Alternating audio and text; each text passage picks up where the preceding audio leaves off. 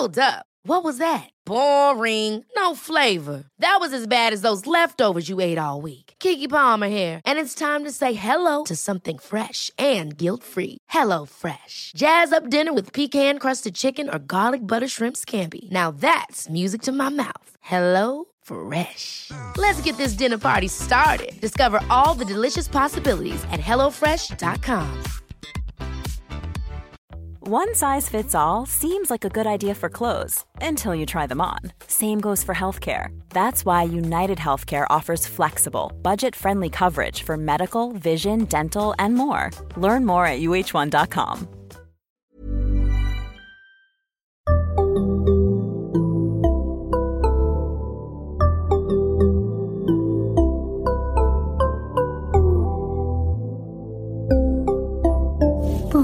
Barnpsykologerna. Välkomna till Barnpsykologerna, en podcast med Liv Svirsky och Lars Klintvall. Det här avsnittet sponsras av Länsförsäkringar. Och idag ska vi prata lite med Kristina Meder som ska berätta lite om barnförsäkringar hos Länsförsäkringar. Hej Kristina! Hej Liv! Eh, roligt att vara här och prata om barnförsäkringar. Ja, Eh, välkommen tillbaks. Tack! Det, barnförsäkringar ligger mig varmt om hjärtat. Jag har jobbat med de här försäkringarna i nästan 20 år och nu jobbar jag här på Länsförsäkringar som produktspecialist med olycksfall och sjukförsäkringar. Just det. Eh, och då börjar vi direkt med varför ska man ha en barnförsäkring? Ja, ett barn som är stadigvarande bosatt i Sverige, det är inte oförsäkrat. Det finns ett skydd via vår socialförsäkring, men en egen barnförsäkring då, det är ett komplement till det här som kan ge då ekonomisk hjälp vid olycksfall, skada och sjukdom. I den socialförsäkringen som då vi har via det allmänna så finns det ju förmåner som sjukhusvård, assistansersättning, sjukpenning, pension och massa saker. Men många av de här förmånerna som påverkar din levnadsstandard, de är inkomstbaserade. Och är det då så, det är väldigt sårbart för ett barn som aldrig kommer ut i arbetslivet, som kanske i det här fallet då råkar ut för en allvarlig hjärnskada, eh, för de kommer få leva på garantinivåer från socialförsäkringssystemet och det kan ligga runt 15 000 kronor i månaden ungefär då. Och det skulle jag säga är absolut den främsta anledningen till att se till att ditt barn har en egen barnförsäkring för att få ja, mer ekonomisk hjälp.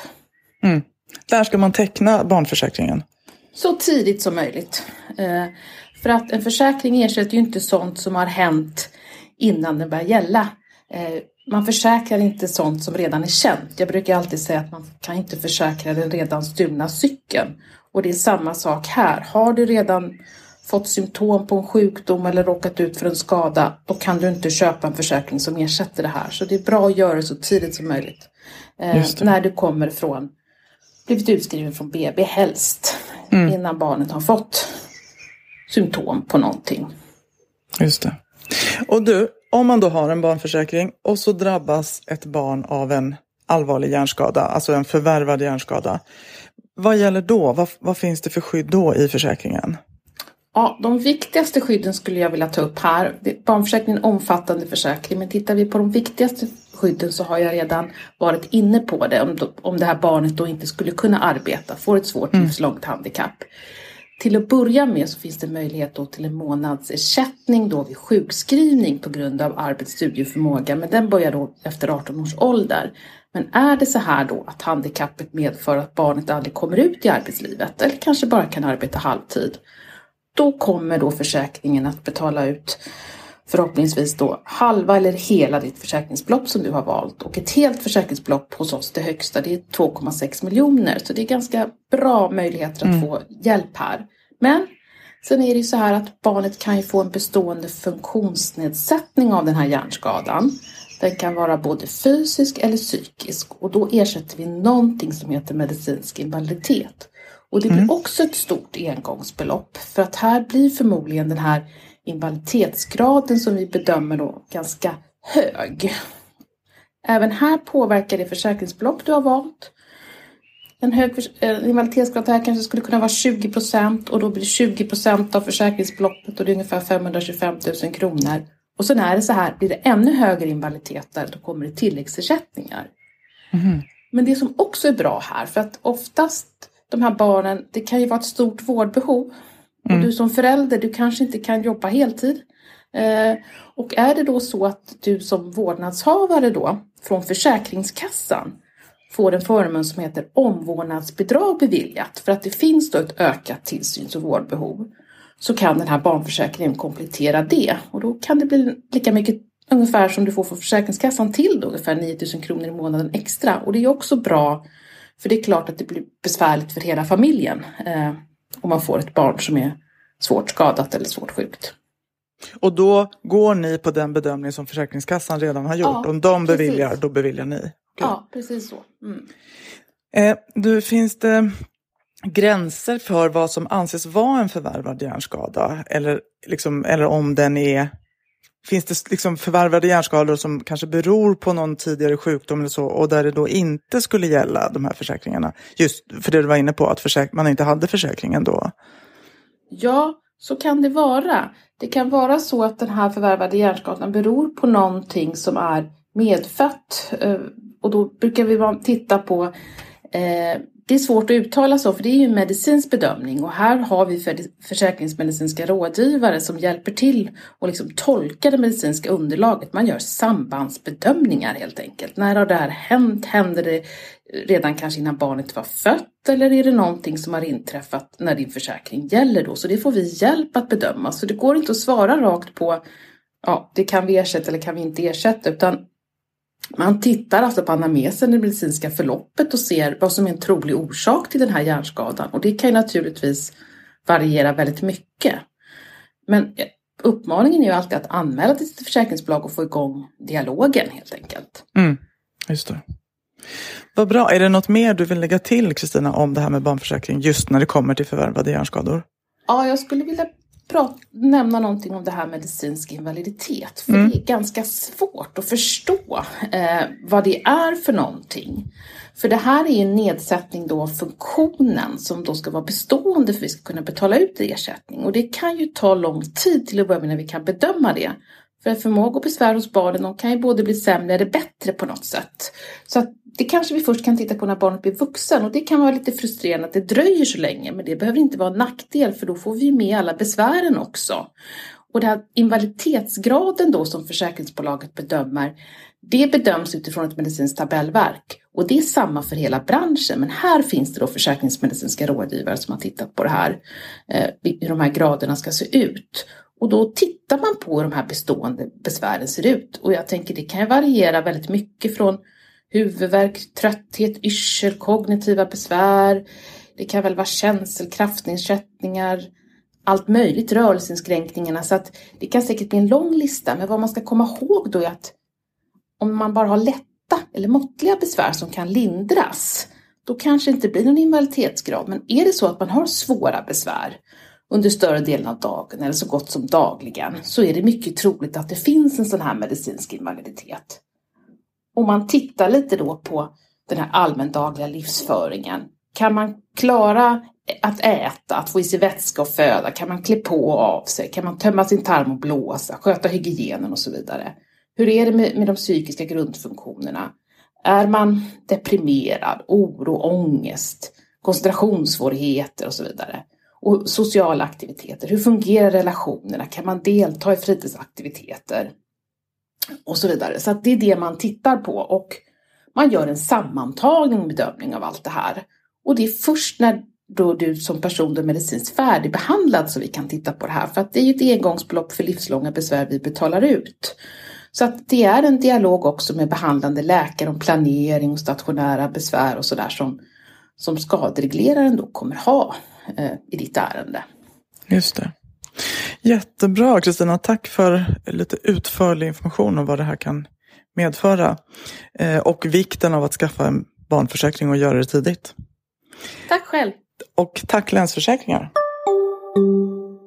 Eh, hej och välkomna till Barnpsykologerna, en podd med Liv Sirski och Lars Klintvall. Och idag med Hampus Forslin och Eli Gunnarsson. Välkomna! Tack! Eh, vill du börja med att säga vem du är, Eli? Ja, jag heter Eli och är barnneurolog och överläkare här och har ett ansvar eh, för barn med förvärvade hjärnskador och den rehabilitering och behandling vi gör här.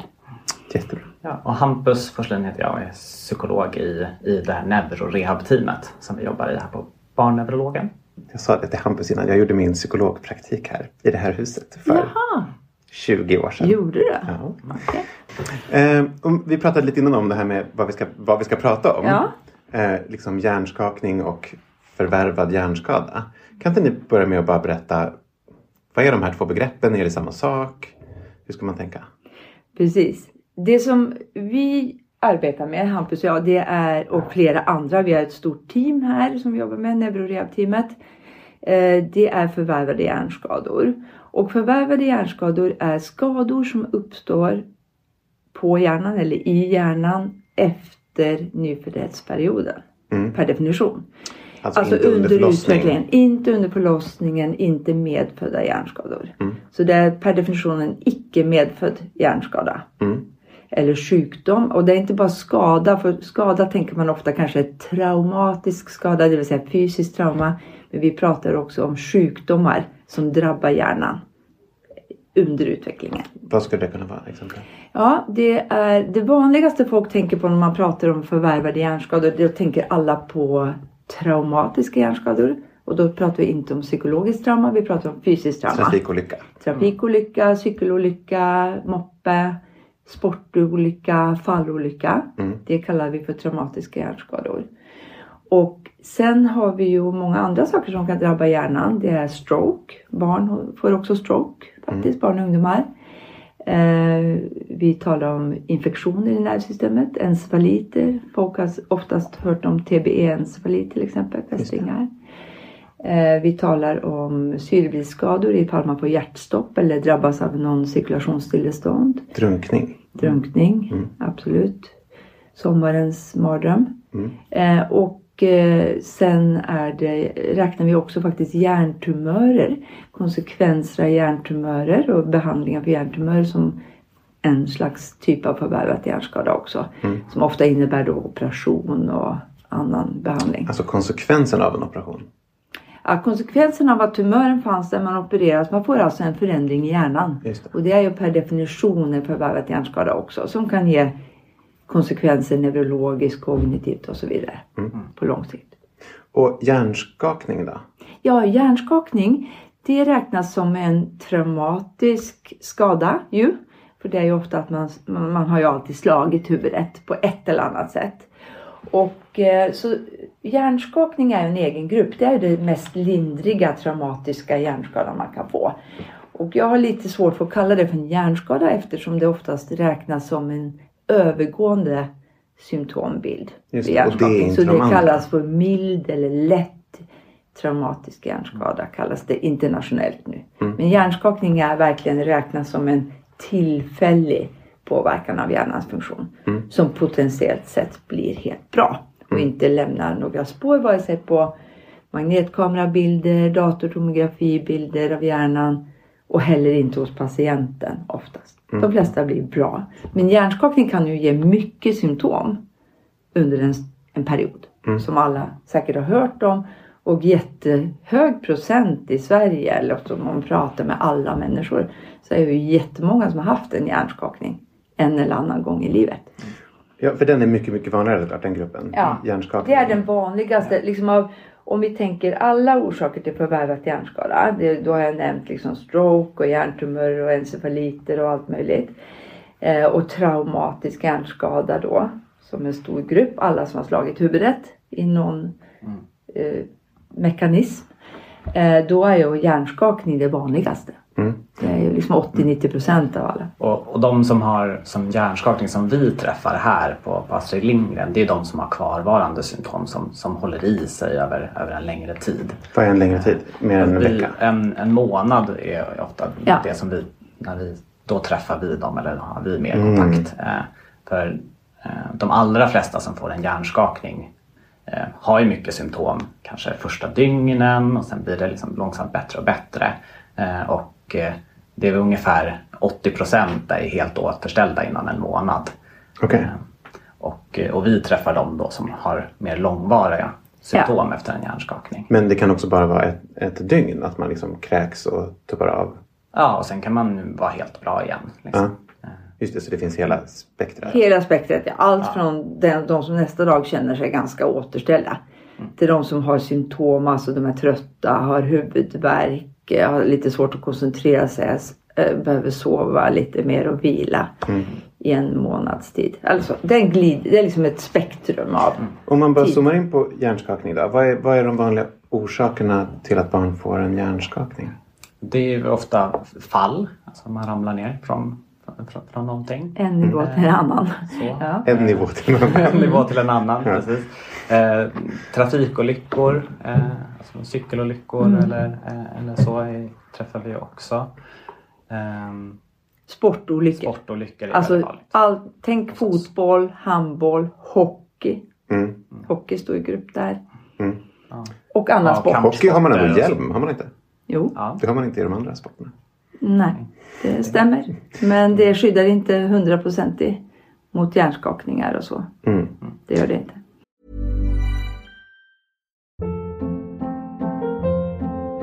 Hold up. What was that? Boring. No flavor. That was as bad as those leftovers you ate all week. Kiki Palmer here, and it's time to say hello to something fresh and guilt-free. Hello Fresh. Jazz up dinner with pecan-crusted chicken or garlic butter shrimp scampi. Now that's music to my mouth. Hello Fresh. Let's get this dinner party started. Discover all the delicious possibilities at hellofresh.com. Quality sleep is essential. That's why the Sleep Number Smart Bed is designed for your ever evolving sleep needs. Need a bed that's firmer or softer on either side? Helps you sleep at a comfortable temperature? Sleep Number Smart Beds let you individualize your comfort so you sleep better together. JD Power ranks Sleep Number number 1 in customer satisfaction with mattresses purchased in-store. And now, save 50% on the Sleep Number limited edition Smart Bed for a limited time. For JD Power 2023 award information, visit jdpower.com/awards. Only at a Sleep Number store or sleepnumber.com. Life is full of what ifs. Some awesome, like what if AI could fold your laundry? And some, well, less awesome, like what if you have unexpected medical costs? United Healthcare can help get you covered with Health Protector Guard fixed indemnity insurance plans. They supplement your primary plan to help you manage out of pocket costs. No deductibles, no enrollment periods, and especially no more what ifs. Visit uh1.com to find the Health Protector Guard plan for you. Ja men bra, om, man, om vi fortsätter stanna lite vid Ja. hjärnskakning då. Ja, nu har vi liksom pratat om lite olika. Mm. Exakt. Ehm, vad är liksom de här kvarstående problemen? Ni nämnde ju lite det, det här med att man måste sova mer och sånt där. Va- Men vad är det, vad, vad ska man liksom, vad ser man hos de här barnen som fortsätter? Ja. De är ofta eh, trötta eh, under en period. De kan vara ljud och ljuskänsliga första, första tiden. Eh, huvudvärk eh, som håller i sig eller kommer under dagen är Mm. väldigt vanligt. Ehm, eh, några av de symptomen som kan hänga kvar är, också mer kognitiva. Alltså att man eh, har svårt att koncentrera sig i skolan, att man har, eh, tappar uppmärksamheten oftare än, än vanligt. eh, Mm. och så. Ja. Är det också de, van, och de kvarvarande problemen för de andra förvärvade hjärnskadorna? Ja, det är lite större fråga. Alltså egentligen. Ja. Svaret på det är ja, men också en hel del andra saker. Men, men bara för att komplettera lite kring hjärnskakningarna. I tillägg till det så har en del dominerande kanske yrselproblem. Mm. Några har svårt med ögonen faktiskt för hjärnskakning. Alltså det är ju liksom något som har kommit de senaste åren. Att man har sett att en del får ögonmotoriska problem. Alltså svårt att följa en text till exempel. De har väldigt svårt att ackommodera också. Alltså det vill säga att ställa in blicken så det känns suddig syn och så. Så några få får det som ett ganska jobbigt problem. De har svårt med skärmar och så att läsa. Men det är en liten subgrupp, undergrupp av alla med hjärnskakning. Okej. Så antingen huvudvärk, koncentration, väldigt vanlig med huvudvärk, väldigt vanlig med koncentrationsproblem, alltså mer kognitiva. Alltså I skolan så blir det svårare en period för dem. Sen finns det en del som blir lite nedstämda, känner sig låga, liksom lite mer emotionella symptom och så också. Och det kan vara både liksom oro eller att man känner sig lite deppig eller att eh, man har liksom närmare till känslorna. Eh, att man snabbare blir arg och snabbare blir ledsen. Och så. Så det, det är ju en, en, en grupp som kanske får lite mer utbrott och är lite vresigare en, en stund också. Tänker man att det är liksom en effekt av det här med att de är trötta och har svårt att fokusera eller är det liksom en direkt neurologisk? Ja, det är lite svårt att veta. Vi tror att det är en del av hjärntröttheten. Alltså det här ordet hjärntrött är det ju många som använder. Eh, man kan kalla det mental trötthet, mental uttröttbarhet och så. Men att orken för frustration blir lite eh, låg, brukar jag säga. Motgång och frustration blir väldigt irrit- man, man blir irritabel fortare. Och jag tror att det är en eh, delvis en, alltså det är en direkt effekt av den påverkan som finns på hjärnan. Och- Men inte en personlighetsförändring pratar vi inte om här vid hjärnskakning. Men att det är ett symptom liksom på att man är trött och man orkar inte. Man orkar inte multipla stimuli, liksom rörighet i ljud och ljus och sånt kan vara jobbigt. Och sen eh, tåler man liksom ingen motgång. Mm. Men det är ju, eh, det går ju över oftast. Det Om man pratar bra. hjärnskakning. Mm, nu pratar vi hjärnskakning. Just det. Om ändå säger lite om de här Mm. mer allvarliga fallen då. Där det inte går över antar jag lika fort. Är det också då ett problem att det där med mer emotionell känslighet att det kan finnas kvar längre? Det kan, kan ju vara. Alltså, om, om, man pratar mer liksom, organiska skador och påverkan på hjärnan så då beror det ju lite på liksom, var i hjärnan den sitter. Vilka funktioner som, som är liksom kopplade till de, de områdena i hjärnan. Eh, och ja, men all återhämtningen i stort, hur det, hur det blir på sikt. Liksom. Ja, när det gäller mer allvarliga hjärnskador som alltså som har direkta fysiska förändringar i hjärnan där vi ser det på magnetkamerabilder, vi ser förändringar, ett helt område i hjärnan är drabbat till exempel. Så, så är det precis som Hampus säger att det ber, symptomen då, det kan ju innefatta alla hjärnans funktioner beroende på hur allvarlig skadan är, hur omfattande och var den sitter i hjärnan.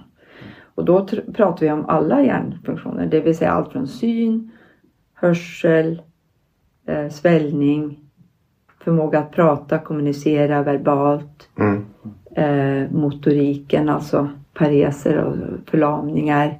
Och eh, det som ofta blir kvarstående utmaning för dem med mer allvarliga hjärnskador kan, är, rör sig ju väldigt ofta om kognitiva, alltså inlärningsmässiga funktioner, beteende, delvis också social funktion. Och också det mer emotionella som vi är inne på. Och där ser vi ju eh, när vi som kan mycket om hjärnan, på säga, kan ofta korrelera väldigt bra liksom. Eh, låt oss säga från skadans lokalisation och så. Och det som vi ser hos patienten. Och det som föräldrarna märker och det skolan märker och det personen själv känner. Väldigt, en väldigt teknisk fråga. Eh, Det kanske är mest till dig Hampus. Mm. Sätter man en, en, till exempel en autismdiagnos då på ett barn som får förvärvade sociala nedsättningar? Ja, man kan, kan göra det. Det är inte jättevanligt att man gör det. Det beror lite på när i hjärnans utveckling som man får, om man får en, en ordentlig skada eh, Ja. under utvecklingen. Eh, men det händer ju att, att, vi, att man tänker att man, man får liksom kanske ADHD-liknande symptom eh, som man inte har haft innan och att man kan ställa en sån diagnos eh, liksom, när det har gått en, en eh, Okej. tid Några efter, år några kanske år efter en skada. Så. Och intellektuell funktionsnedsättning måste man ju kunna Ja, sätta ja, naturligtvis. det kan Det, är väldigt allvarliga. Det är vanliga kriterier för att ställa de diagnoserna. Alltså även på barn som har fått det som, som vi bedömer som en förvärvat eh, funktionspåverkan kan man säga av hjärnan. Och då kan det vara autism, det är ganska ovanligt men det förekommer. Det kan vara ADHD, eh, liknande problematik eller de, de facto liksom ADHD. problematik. Och även intellektuell funktionsnedsättning. Och sen är det ju hemipares, alltså halvsidiga förlamningar till exempel. Språkliga funktionsnedsättningar som vi också diagnostiserar. Som vi räknar som förvärvade när vi vet historien. Det. det är ingenting vi gör omedelbart precis som Hampus är inne på. Vi följer. Det är ju det som är viktigt att få fram här. Det är ju att det är annorlunda att få en förvärvad hjärnskada under utvecklingen. Det vill säga under hjärnans utveckling. Än att Från det som början. vuxen. Eller ja, vuxen, dels, ja, dels är det annorlunda än att ha den från början när man är, har en medfödd eh, skada, låt oss säga. Eller förändring i hjärnan. Men eh, också som vuxen. Vad är skillnaden där då? Det här, det här vet jag att när man pluggade att det var såna historier om att när barn fick jätteallvarliga hjärnskador så bara flyttade de över alla hjärnfunktioner till någon annanstans och det var inga problem. Och det, skador man får som barn, det var liksom bara växte bort. Nej, var lite det. Ja, men jag vet och så har det varit historiskt sett. Och så, Att man har ser, sagt det. och så ser vi ju inte på det nu. Så är det inte. Eh, Det som, det som kanske är skillnaden för vuxna är ju att då är hjärnan färdigutvecklad och alla funktioner sitter där den ska. Och, eh, och barn under utveckling då kan det oftare bli lite mer diffusa eh, symptom. Eh, Inte lika så om man läser i en, i, en, i en bok och säger att den här delen av hjärnan eh, sköter det här Eh, och så blir det så om man får en skada i det området. Och så, så är det inte riktigt lika, lika tydligt hos barn utan då är det ofta med lite mer diffus påverkan på kanske uppmärksamhet eller eh, exekutiva förmågor. Eller, För att ändå den där, den där liksom storyn som vi fick då med att man barn Ja. bara flyttade hjärnfunktionerna. För att det ändå finns någonting i det eller? Nej, men eh, det finns...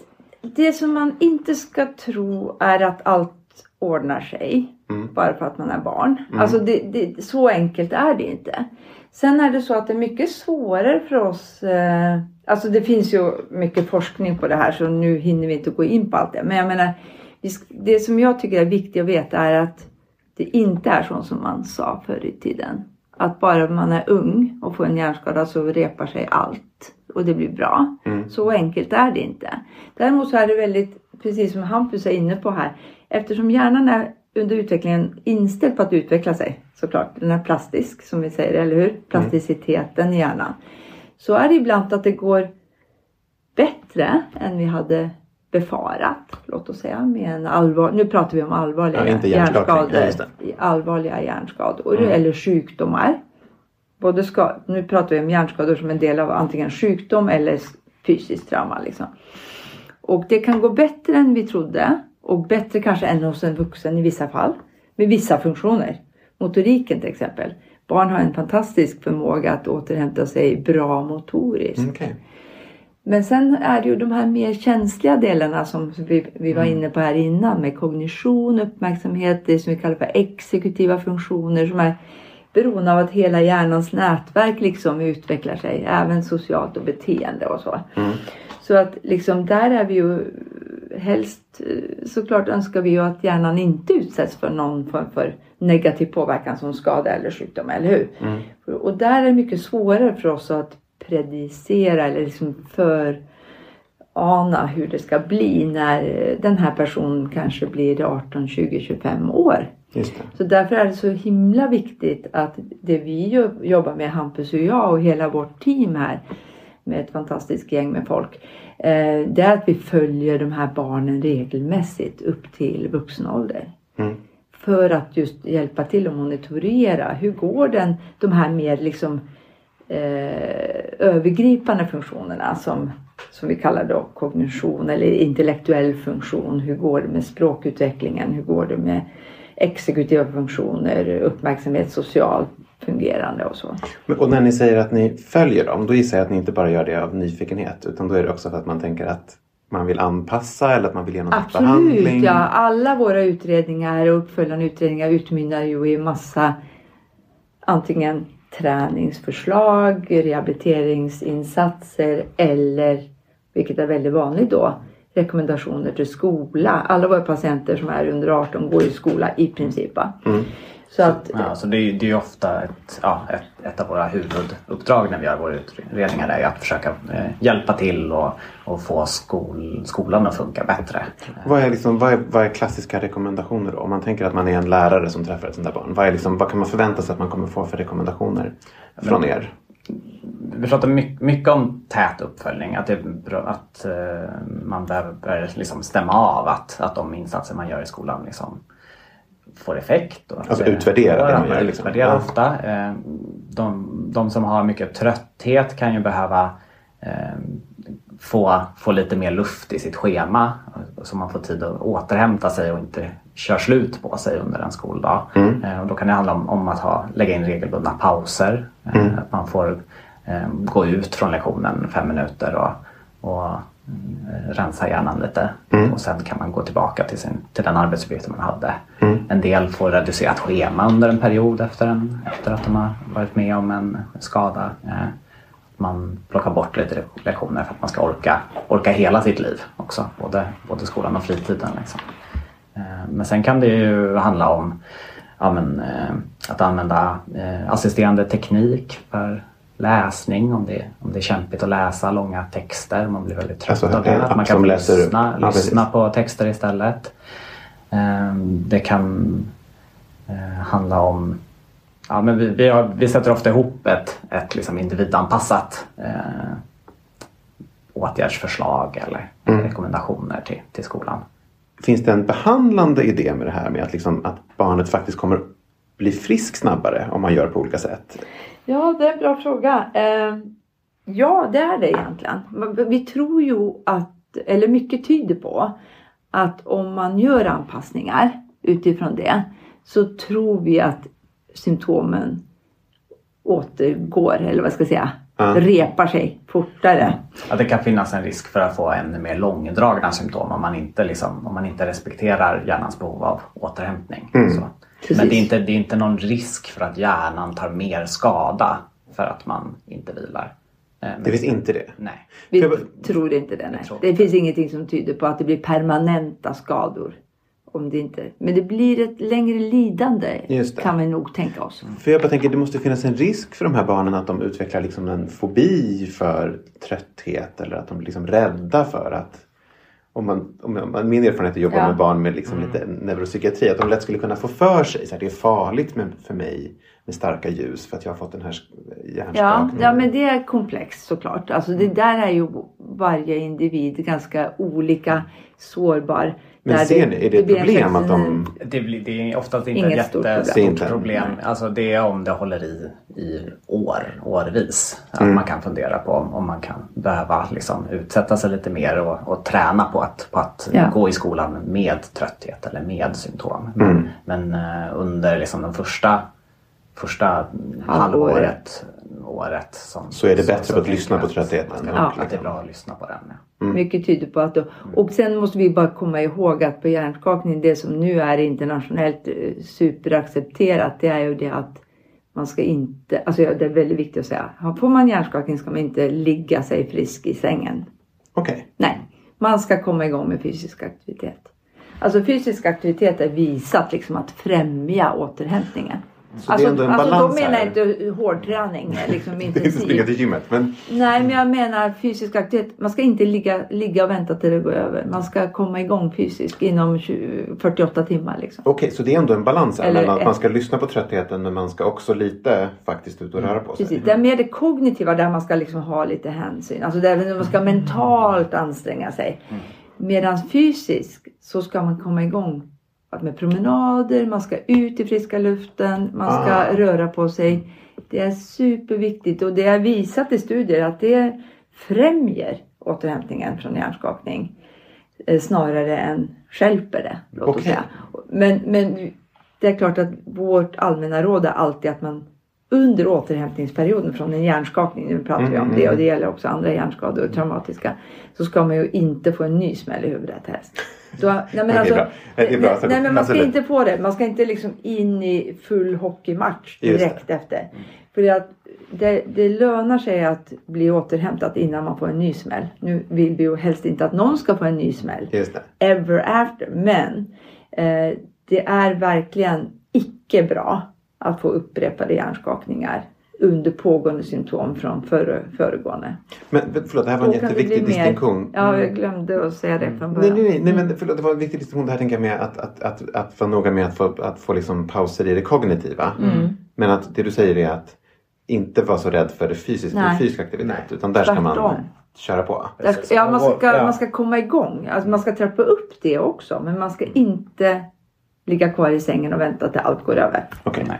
Så vi, precis, det blir ju liksom en, en, en, ja, en återgång till, till sport liksom under, under tid. Eh, Vi tycker inte att de ska gå tillbaka direkt och Mm, köra stenhård, eh, Nej. stenhård styrketräning. Men, men att man börjar lite lugnt och sen eh, börjar med kondition och, eh, och sen lätt, lätt styrketräning och att man tränar eh, att man går, kan gå på sin fotbollsträning men inte spela match först tills det känns tryggt och sen kan man spela match. Och, så, så där pratar Ja. vi, med, med våra patienter om ofta. Är det, jag bara kollar, koll på tiden. Är det någonting ni liksom, som ni sitter på som ni tänker här, det här önskar vi att, att lärare eller eh, föräldrar, andra som träffar barn liksom visste om hjärnskakning eller de här mer allvarliga tillstånden? Ja, men jag, jag tänker dels att, att, det är, att det är bra att man vet om att man kan ha ganska mycket symptom efter en hjärnskakning som kan hålla i över ganska lång tid. Mm. Eh, Att, eh, även om man, man, eh, en elev kan se, se frisk och kry ut så behöver inte det betyda att den inte sitter med huvudvärk och är jättetrött och inte tar in det som sägs i rummet. Liksom. Mm. Så att, eh, att det är ganska ja, men viktigt att man, att man hjälper ele- elever man har i skolan eller sin, sina barn att komma tillbaka till, till skolan på ett, på ett bra sätt som, där man, som inte innebär att, att, eh, ja, men att barnet mår, mår väldigt dåligt eller liksom lider sig igenom sina skoldagar. Mm, jättebra. Ja, jag håller med. Alltså, Hampus här. Det, det är liksom mycket lita på. Alltså, alltså, får man en hjärnskakning så får många symptom. Och det, det är inget hittepå liksom. Alltså det är ju de klassiska ungefär 10 symptom som alla beskriver. Och jag kallar hjärnskakning en tillfällig störning i hjärnans funktion brukar jag kalla det. Så att hjärnans funktion är komplex som du vet eh, Lars och eh, det är många bitar som ska få funka för att allt ska vara bra. Och så en till, man kan tänka att hjärnskakning är en tillfällig störning i hjärnans funktion med, som ger en hel del symptom. Som kan vara huvudvärk, eh, koncentrationssvårigheter, yrsel, balanspåverkan, hjärntrötthet. Man har svårt att läsa en stund och så. De flesta blir ju bra på en månads tid. Jag tycker att skolor, föräldrar och alla ska liksom, och tränare ska ha respekt för att det ger symptom. Mm. Och de allra flesta ungdomar och barn kan vi lita på. De flesta vill vara friska. De vill gå i skolan. De vill gå på sin träning. De vill umgås med kompisar. Orkar de inte det så är det ofta liksom ett tecken på att någonting inte är bra. Och att man litar på det. Och som Hampus säger då att man liksom inte ifrågasätter det för mycket. Samtidigt ska man ju underlätta för att eh, barnet eller ungdomen ska kunna göra sina vanliga saker så fort som möjligt såklart. Så det är ganska komplext men mer så här liksom lita på det. Det finns där, det finns. Men sen är det också så att de allra flesta blir bra. Och de som vi träffar som Hampus sa i början här det är ju det att de som har långvariga, några kommer ha långvariga symptom. Och det är gärna tonåringar. Det är inte sjuåringarna. Som har de långvariga Ja, ja. Det är ofta eh, tonåringar. Och så är det en, vissa som har lite mer risk för att få symptom. Det är de som kanske har, alltså får längre symptom än, än det korta. Låt oss säga. Det är de som kanske har redan väldigt mycket huvudvärk innan de får en hjärnskakning. Migrän också. Men andra typer av huvudvärk. Eh, De som har eh, svåra redan koncentrations och uppmärksamhetsproblem. Till exempel de med ADHD. De, de har ökat risk att få längre symptom. Det blir liksom mindre marginaler låt oss säga. Såklart. Tidigare hjärnskakningar, alltså många får ju fler än en hjärnskakning nu vet du. Särskilt inom sport. Och har man flera tidigare i bagaget då får man nästan alltid en längre förlopp. Och som du kanske har hört i media, vi har ju professionella idrottsfolk i Sverige som inte känner sig att de blir helt återställda. Och de här amerikanska fotbollsspelarna har ju alla de här studierna som är här. Eller hur? Ja. Så att jag menar, vi ska inte bagatellisera. Vi, det är en hjärnskakning, det, det är en sak och upprepa det många är en svårare sak. Och särskilt om det går kort tid mellan hjärnskakningarna. Ja, det, det, om har det gått eh, ganska lång tid, om man, har man en, en hjärnskakning som var liksom flera år sedan och man får en ny, då brukar inte det spela så jättestor roll. Men om det är inom, Exakt. inom några månaders tid så kan man tänka sig att den, efter andra smällen så kan man, även om det var en, en lättare eh, skada mot huvudet, så kan det liksom ge en, lite mer symptom. För, så. Eh, har, du- Hampus, har du något boktips om man vill läsa mer som vuxen som träffar de här barnen? Ja, det är en kollega till oss här på, här på Karolinska som heter Petra Boström som är psykolog har skrivit en, eh, en kortare eh, bok tillsammans med en specialpedagog och en fysioterapeut som heter Ska jag gasa eller bromsa? Eh, som handlar om, om just det här återgången till skola och till sport efter en hjärnskakning. Och den är väldigt bra, pedagogisk eh, Ja. och, och fin. Den kan man beställa på internetet. Jättebra. Tack så hemskt mycket. Tack själv. Eh, tack ni som lyssnade. Barnpsykologerna finns på Instagram och på Facebook. Hej då!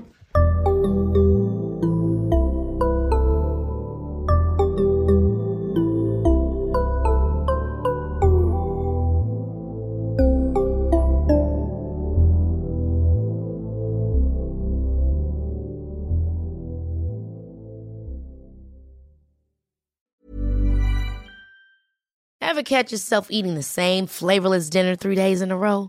Dreaming of something better? Well, HelloFresh is your guilt-free dream come true, baby. It's me, Kiki Palmer.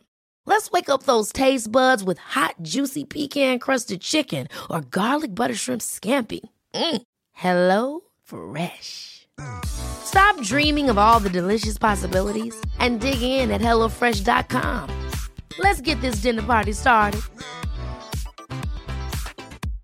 Imagine the softest sheets you've ever felt. Now imagine them getting even softer over time. That's what you'll feel with Bowl and Branch's organic cotton sheets. In a recent customer survey, 96% replied that Bowl and Branch sheets get softer with every wash. Start getting your best night's sleep in these sheets that get softer and softer for years to come. Try their sheets with a 30-night guarantee. Plus, get 15% off your first order at bowlandbranch.com. Code BUTTERY. Exclusions apply. See site for details.